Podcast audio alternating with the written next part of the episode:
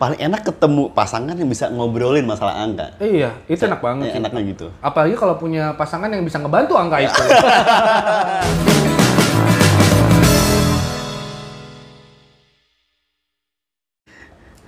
Karena gini, mau gimana pun, gue pernah ngomong, pernah ngobrol juga.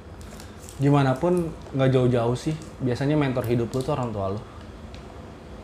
Iya. Role model yang pertama kali akan lo lihat itu pasti orang tua lo. Orang tua lo itu apa, pasti lo bakal begitulah. Intinya kan itu. Dan karena gua role model diri gua itu bokap gua, dia mentor lah ya gua bisa anggap dia mentor gua buat hidup. Dia dulu siapa nih? Bokap nyokapnya siapa? Bisa kayak gini? Kok gua bokap gua yang kayak gini gua nggak bisa kan gitu loh. Bisa gitu sih. Tapi lu pernah berada di titik anjing hidup gue gini amat. Oh ada, ada, ada. Alhamdulillah gue udah merasakan asam mana, asam manis, garam, Asem-asem gula. ya. ya, ya asam-asem lah pokoknya dunia alhamdulillah. Mungkin walaupun belum sesusah kalian, tapi alhamdulillah gue udah ngerasain sih. Jadi gue juga dulu orang susah, jadi ya udah bisa ngerasain itu kok. Sampai mau makan susah aja ngerasain korut gue dulu anjing. Jadi nggak nggak nggak terlalu gimana gimana lah gue. Jadi pun suatu waktu nanti gue susah pun gue sih siap. Tapi kan nggak tahu buntut kita. Dan kalau gue pribadi sih gue siap. Ibaratnya sampai susah makan pun ibaratnya mau tinggal di mana Jadi gitu. jangan sampai lah. Eh jangan sampai, jangan sampai anjing. Minta mirip. Gue sih siap. Semenjak lu nikah, pasti lu pernah dapet pertanyaan rasanya nikah gimana? Iya. Dan gue selalu jawab biasa aja. Iya. Pasti Iya, biasa aja sih karena gue Biasa udah aja sih. nggak nggak gimana gimana Nah, ya kan. Gue nggak ada yang kayak masalahnya berat banget gitu nggak ada. Nggak ada. Gue gue mikir masalah di pernikahan gue karena ego gue doang aja. Iya. Dan enggak mungkin juga pengalaman kita untuk hal itu belum jauh kali. Mm-mm. Mungkin sih. Mungkin. Jadi nah, ya kita juga baru sebentar Baru ya kan. setahun ya. Ibaratnya ya masih geli-geli lah, Iya, masih iya. colek-colek doang permasalahan, belum ada yang dipukul langsung kan gitu. Mungkin kita nggak tahu nanti ke depannya seperti Iya. apa. Tapi ya nikah merubah hidup sih emang. Iya. Merubah hidup.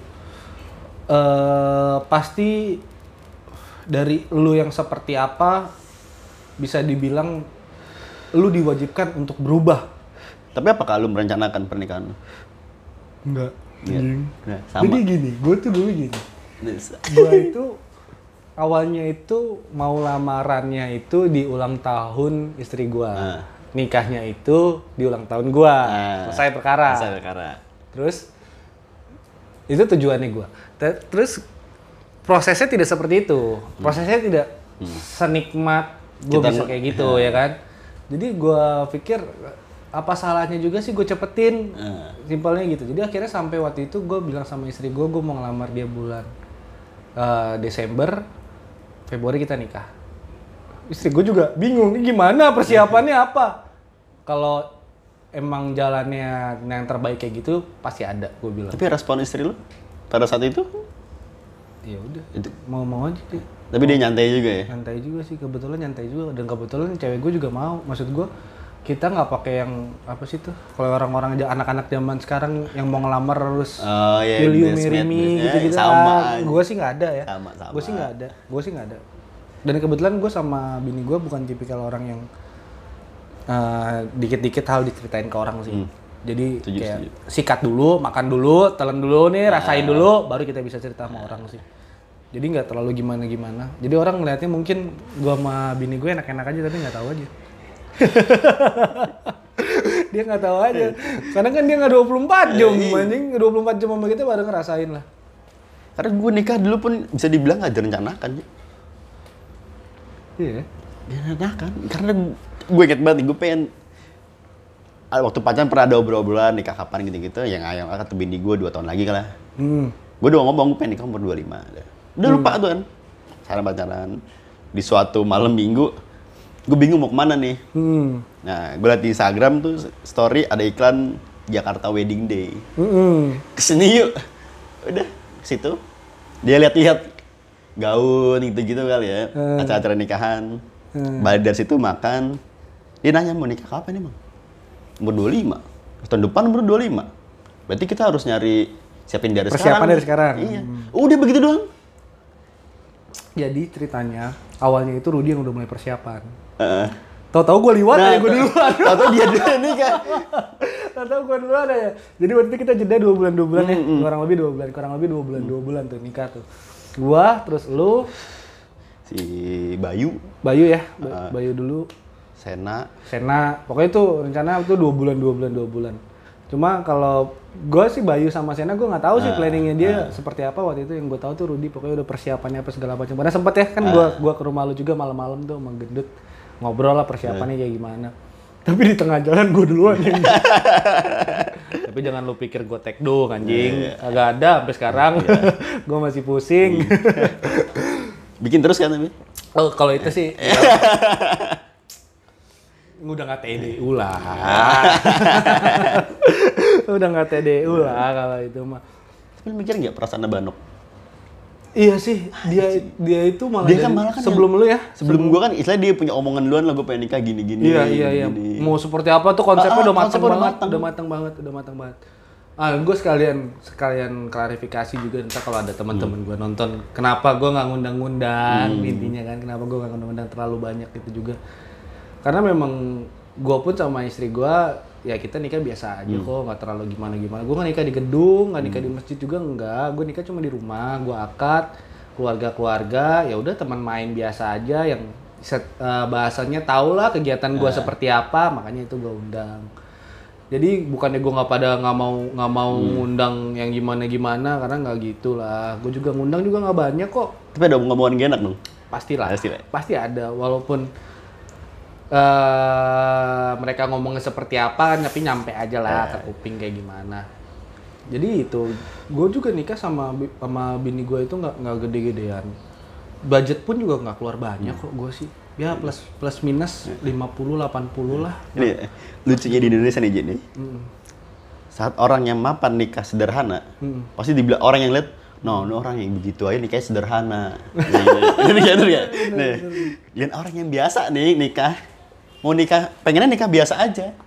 Tapi tetangga ngomongnya, gak punya duit banget apa buat nikah sekali doang seumur hidup. pasti pasti tuh pasti tuh Bangsat ya? Makanya, jadi gini juga. Waktu itu juga gue gini, kenapa gue nggak mau ngundang banyak? Daripada gue ngundang banyak akhirnya jadi omongan, mendingan gue ngundang sedikit tapi berkualitas. Itu yang Gue pun maunya gitu. Hmm. Cuma kulturnya nggak bisa begitu gue. Hmm. Itu juga Rut, yang bikin jeleknya orang kita ya. Iya.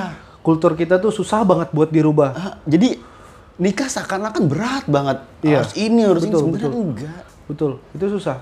Nah, dan gua memang dari kecil gua tipikal orang yang suka gue tabrak-tabrak sih ya kalau gua. Eh. Jadi sampai jadi ken, gua kenapa gue bisa bilang gitu? Karena keluarga gue tuh rata-rata aja anak IPA, SMA-nya Hmm. IPA. Bisa dibilang gua doang yang IPS. sampai segitunya gua tuh nabrak itu dari Hmm. dulu sampai segitunya. Dulu bahkan orang tua gue maunya gue jadi dokter. Hmm. Gua tabrak gitu loh. Gue orangnya sekarang emang emang ini Bisa nabrak-nabrak aja. bayang gue jadi kerjaan dokter anjing. Oh, anjing. Mungkin hidup gue udah enak kali kalau jadi dokter. Gak pusing kayak sekarang. Tapi enggak, bukan bukan gua banget, bukan gua banget mungkin gue jadi dokter.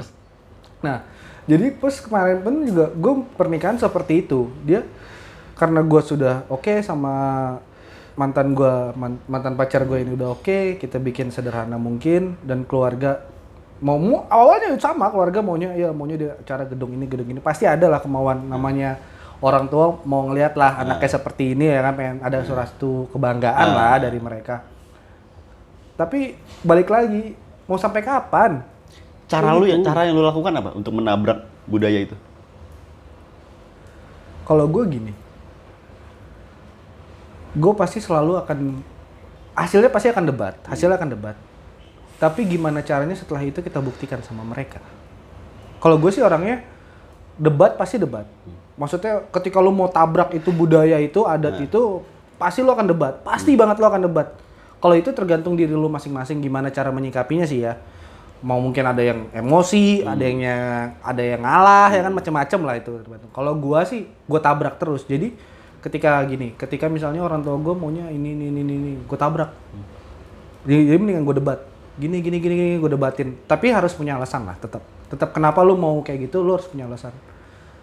Seintinya itu biar mau sampai kapan kalau misalnya sebenarnya adat yang nggak semestinya nggak seharusnya lu jalanin. Toh juga yang jalanin hidup kan kita kita juga.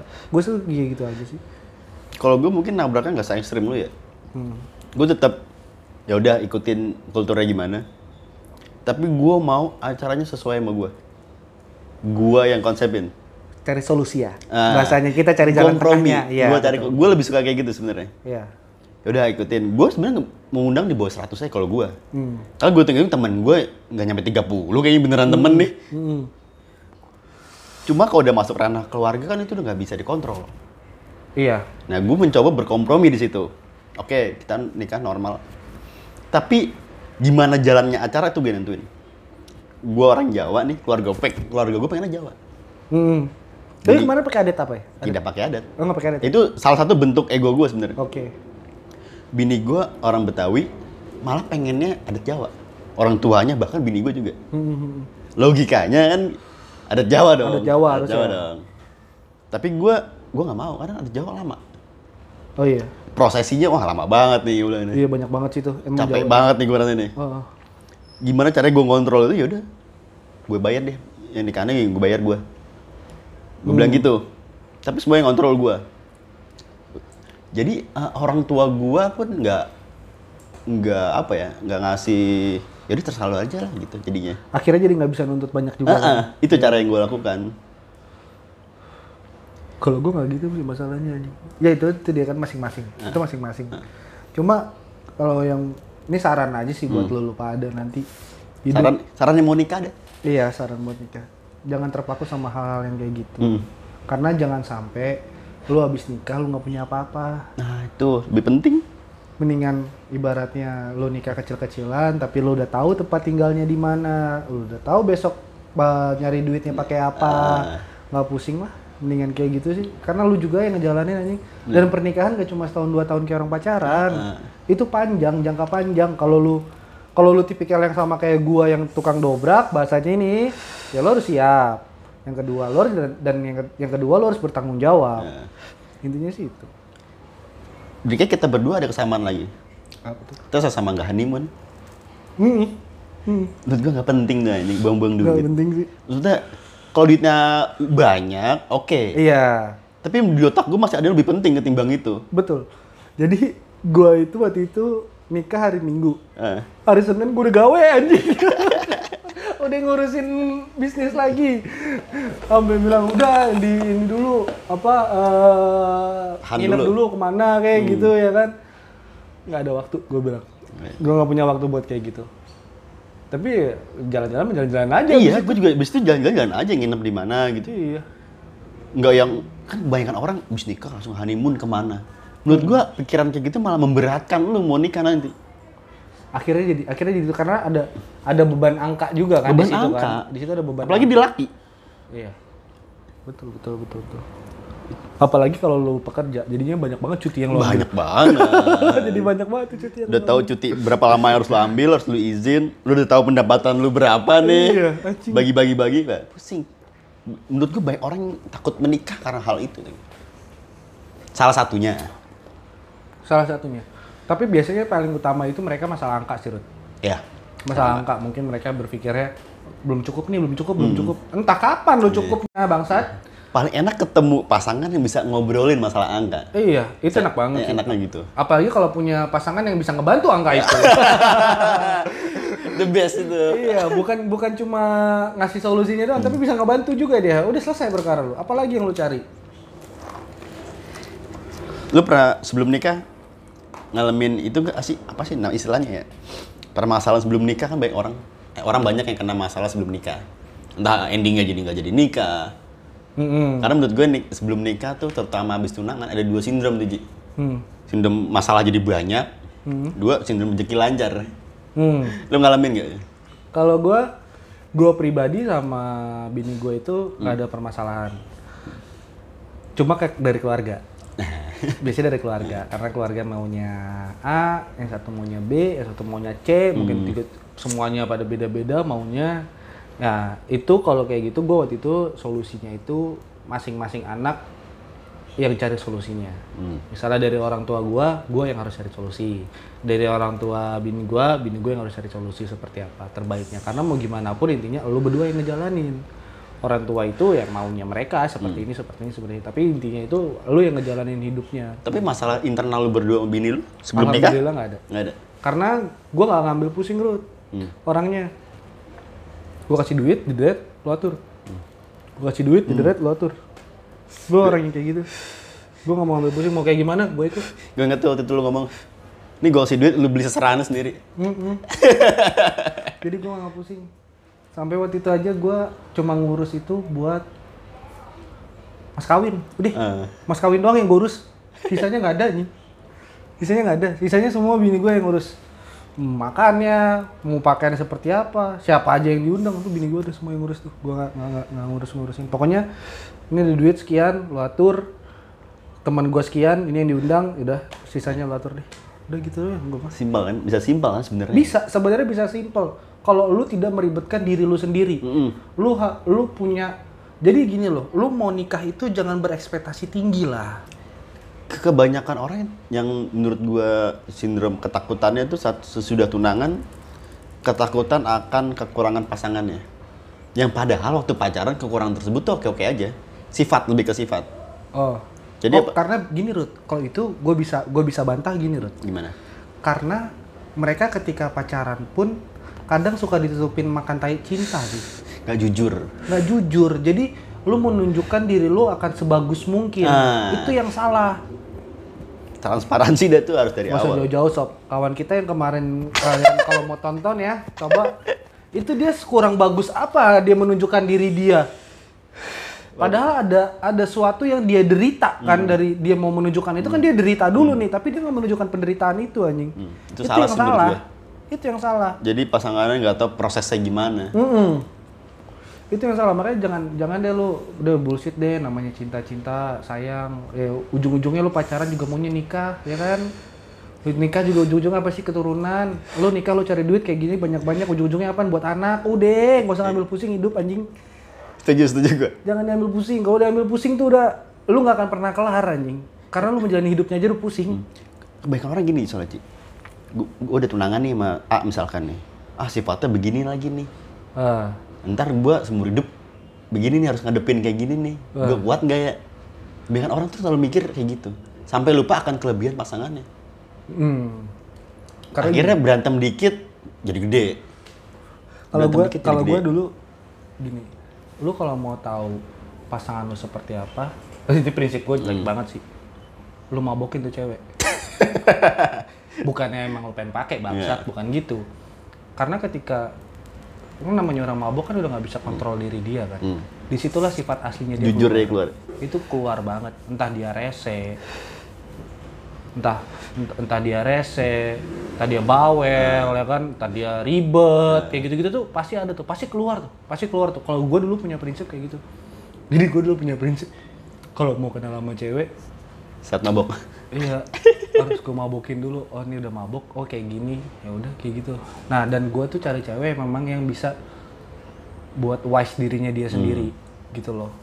Ya itu ada di bini gue jadi gue ngelihat oh bini gue bisa ngontrol diri dia sendiri. Apa pun keadaannya dia harus bisa ngontrol diri dia sendiri. Dan itu yang harus sebenarnya itu sih yang lo harus cari. Karena karena gini loh hidup itu banyak tekanan dari sana dari sana dari sana. Pasti ada tekanan itu pasti ada kalau di- dia aja nggak bisa menguasai dirinya dia sendiri gimana dengan keluarganya gitu loh. Nanti dampaknya itu akan ke keluarganya. Bener. Kalau gue mungkin apa ya nggak ada yang ditutupin dari zaman pacaran. Bahkan sampai slip gaji gue pun dia tahu dari pacaran. tahu. Jadi gue gue bilang sama dia gue pendapatan. tapi eh, Instagram pasportnya tahu? Enggak Ah, buat apa itu? Itu yang banyak yang salah itu buat apa ya itu orang itu banyak yang salah jadi ketika orang berpikir harus terbuka akhirnya password Instagram Itu salah. dikasih chat WhatsApp dikasih jangan saat lu mencari jelek seseorang lu akan nemu jeleknya masalah Pasti lu ada. masalah lu siap gak ketemu jeleknya Kan pasti gitu. ada dan ujung-ujungnya orang kalau udah kayak gitu pasti ribut hmm. nggak bagus kok ya bagus nggak bagus gue nggak pernah megang-megang bini gue eh pernah sih cuma yang nggak Tapi nggak nggak niat untuk Ah, cari ah, jeleknya kan? iya, iya, jeleknya. iya. Gue juga gitu kok. Gue juga gitu kayak intinya kan sih percaya lah kan. Percaya. Intinya percaya karena kita percaya. Ah. Ya udahlah terserah mau ngapain. Gitu sih. tapi lo orang yang cemburuan gak? Bisa dibilang gue orang yang cemburuan. Tapi gue jarang banget menunjukkan kalau gue cemburu. Hmm. itu gua jadi jadi kayak gimana ya mungkin satu sisi gua ketika kayak misalnya bini gua ngapain gitu ada perasaan kesel atau apa tapi gue selalu mengalihkan itu loh. pemikiran gue itu gua alihkan kan oh ya udah ternyata orangnya ini kok. Gitu-gitu aja sih. Jadi gua nggak pernah ngambil pusing. Kalau lo ngambil pusing balik lagi gue banyak hal yang lebih pusing sebenarnya. Jadi hal-hal yang kayak gitu daripada ribet jadi bikin lo tambah pusing dengan gak usah. Setuju. itu kalau gue sih kayak gitu. Berarti beneran nikah mengubah hidup jadi lebih baik. iya pasti. Itu pasti. Pasti. Kalau nih lu nikah hidup jadi nggak baik, ada yang salah pasangan lu. Ada yang Atau nggak malah lu sendiri. Ada yang salah. Kemajuan gue tuh sekarang gue nggak mabuk tiap minggu. Tiap hari. Gue nggak mabuk nggak nggak mabuk tiap hari juga. Kalau problem baru mabuk. Kalau dulu kerjaan gue tiap minggu tiap hari. Kalau sekarang nggak. Kalau dulu gua nggak bisa kontrol jam tidur gue. Oh iya. Dulu gua nggak bisa kontrol tuh. gua. Namanya anak sumber kita cuy. Eh, iya. Pasti kerjanya nongkrong. Iya mau besoknya kerja pagi juga Iya. gua mau sampai pagi tidur. Bener nggak ada urusan itu. Mau besok pagi tanggung jawab kita kayak apa? Karena karena karena nggak ada tanggung jawab sih. Nggak ada tanggung. Nggak ada Ngerasa itu bukan tanggung jawab kita. Iya betul. Bukan ngerasa kita kerja kita cari penghasilan nih buat diri kita sendiri ya kan? Nggak ada yang perlu dipikirin lagi. Kalau sekarang kan udah ada yang lu tanggung nih di rumah. Udah ada yang harus ibaratnya lo harus lu didik lah. Bahkan kayak gua lagi main aja keluar gitu kayak gua harus pulang nih. Tanpa bini gua ini. Oh udah gitu pulang. ya? Ah, udah nah gue gitu. masih belum sih gue belum tuh gue belum sampai di titik itu tuh.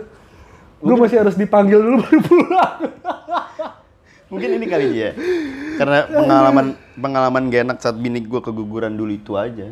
Oh mungkin oh ya, iya, salah iya. satu penyebabnya. Kan waktu itu keguguran tan nggak ada gejala apa pun. Hmm. bini gue lagi masak sahur. Hmm. gue masih tidur tiduran makan. Terus itu ke kamar mandi teriak. Oh iya? Iya. Ya. Ini apaan ya gitu gitu panik gue berdua. Iya lu cuma berdua lagi. Iya. Bingung. Jam segitu aja jam tiga apa jam tiga apa pagi pagi oh tanpa ada ngeluh perutnya sakit dulu gitu nggak sebelumnya nggak ada apa-apa ya? nggak ada apa-apa Lah, jadi gue mikirnya akan situasi terburuk itu eh. Ya. Ya, makanya nanti ketika lu sekarang aja sudah merasa tanggung jawab lu bertambah nih, ya nggak? Gimana ntar anjing anaknya udah lahir? tapi gue excited punya Iyalah pastilah. kayak lu main game lu bikin karakter sendiri aja lu Hmm, nah kayak gitu gue nganggapnya Nah, ini banyak juga banyak juga orang yang salah. Udah punya anak belum? Biasanya nanya Ah, gitu. itu salah ya tuh. kan? Salah itu, tuh. Itu suatu hal yang salah banget. Karena nggak semua ini yang dari pemikiran gue ya, terserah lu mau pada Hmm. mikir apa. Nggak semua orang tua pertama mau punya anak sekarang saat itu juga. Tapi nggak mungkin dong dia sampein kayak gitu. Itu kan termasuk doa soalnya Iya, kan kalau dia ngomong kayak gitu kan. Terus juga banyak juga memang orang tua yang mau tapi memang belum ada. Nah. Nah, jangan pernah lu nanya kayak gitu. Itu mau gimana pun itu, nggak akan menyinggung. Akan- etis iya, lah. Akan menyinggung orang-orang yang memang belum kayak gitu. Makanya gue kalau ditanya kayak gitu, kebetulan gue orangnya bodo amatan. Gue selalu jawab, rezekinya belum di situ, masih di yang lain. Cuma kesenggol kan, iya kan? Cuma tetap pasti ada perasaan. Lu nggak usah nanya-nanya gitu lah, maksud gua. Banyak Nggak yang lu mau tanya dalam hidup gua masih yang lain kan masih banyak. Ngapain ke hal-hal yang kayak gitu. Lu lihat aja, gua senang-senang aja kok, lu biasa aja kok. Menurut gue nanya kapan lu nikah. Lu nikah kapan nih? Itu menurut gue juga iya. kurang tuh. eh, jangan pernah kecuali kalau lu teman dekat ya. Teman dekat. Kecuali kenal sama orang itu. Terus lu bertanya-tanya hal-hal yang bersifatnya pribadi, oke okay lah. Hmm. Itu itu tergantung kalian. Tapi kalau sama orang yang cuma main biasa, kenal doang, Yang basa-basinya aja begitu tuh gue. Ah, eh, jangan deh, jangan pernah. Itu mau gimana pun pasti akan menyinggung mereka walaupun mereka menyikapinya biasa. Itu pasti akan menyinggung mereka kok. Pertanyaan-pertanyaan terlalu personal kayak gitu. Bodoh, Bodoh. pertanyaan bodoh anjing itu. Maksudnya niatnya buat seru, tapi jadi nyinggung kan nggak nggak nggak etis, nggak seru anjing. Kayak kayak bukan urusan lu lah kayak gitu-gitu. Bener, itu udah pribadinya masing-masing. Malah banyak orang nanya kayak gitu udah nik mau kapan lu nikah? Dia sendiri belum nikah bangsat. Eh, anjing. Ada orang nanya kapan punya anak ya lu punya anak aja nggak lurus ngentot. kan gitu anjing. Lo ya masih pada nongkrong kerjaan lu. Ya hidup. Iya. Makanya jadi kalau hidup lu terlalu banyak mikirin apa kata orang, Nah. dengerin kata apa kata orang, pusing hidup lu Pusing. men. Gak usah lah. Yang ngejalanin juga lu kok.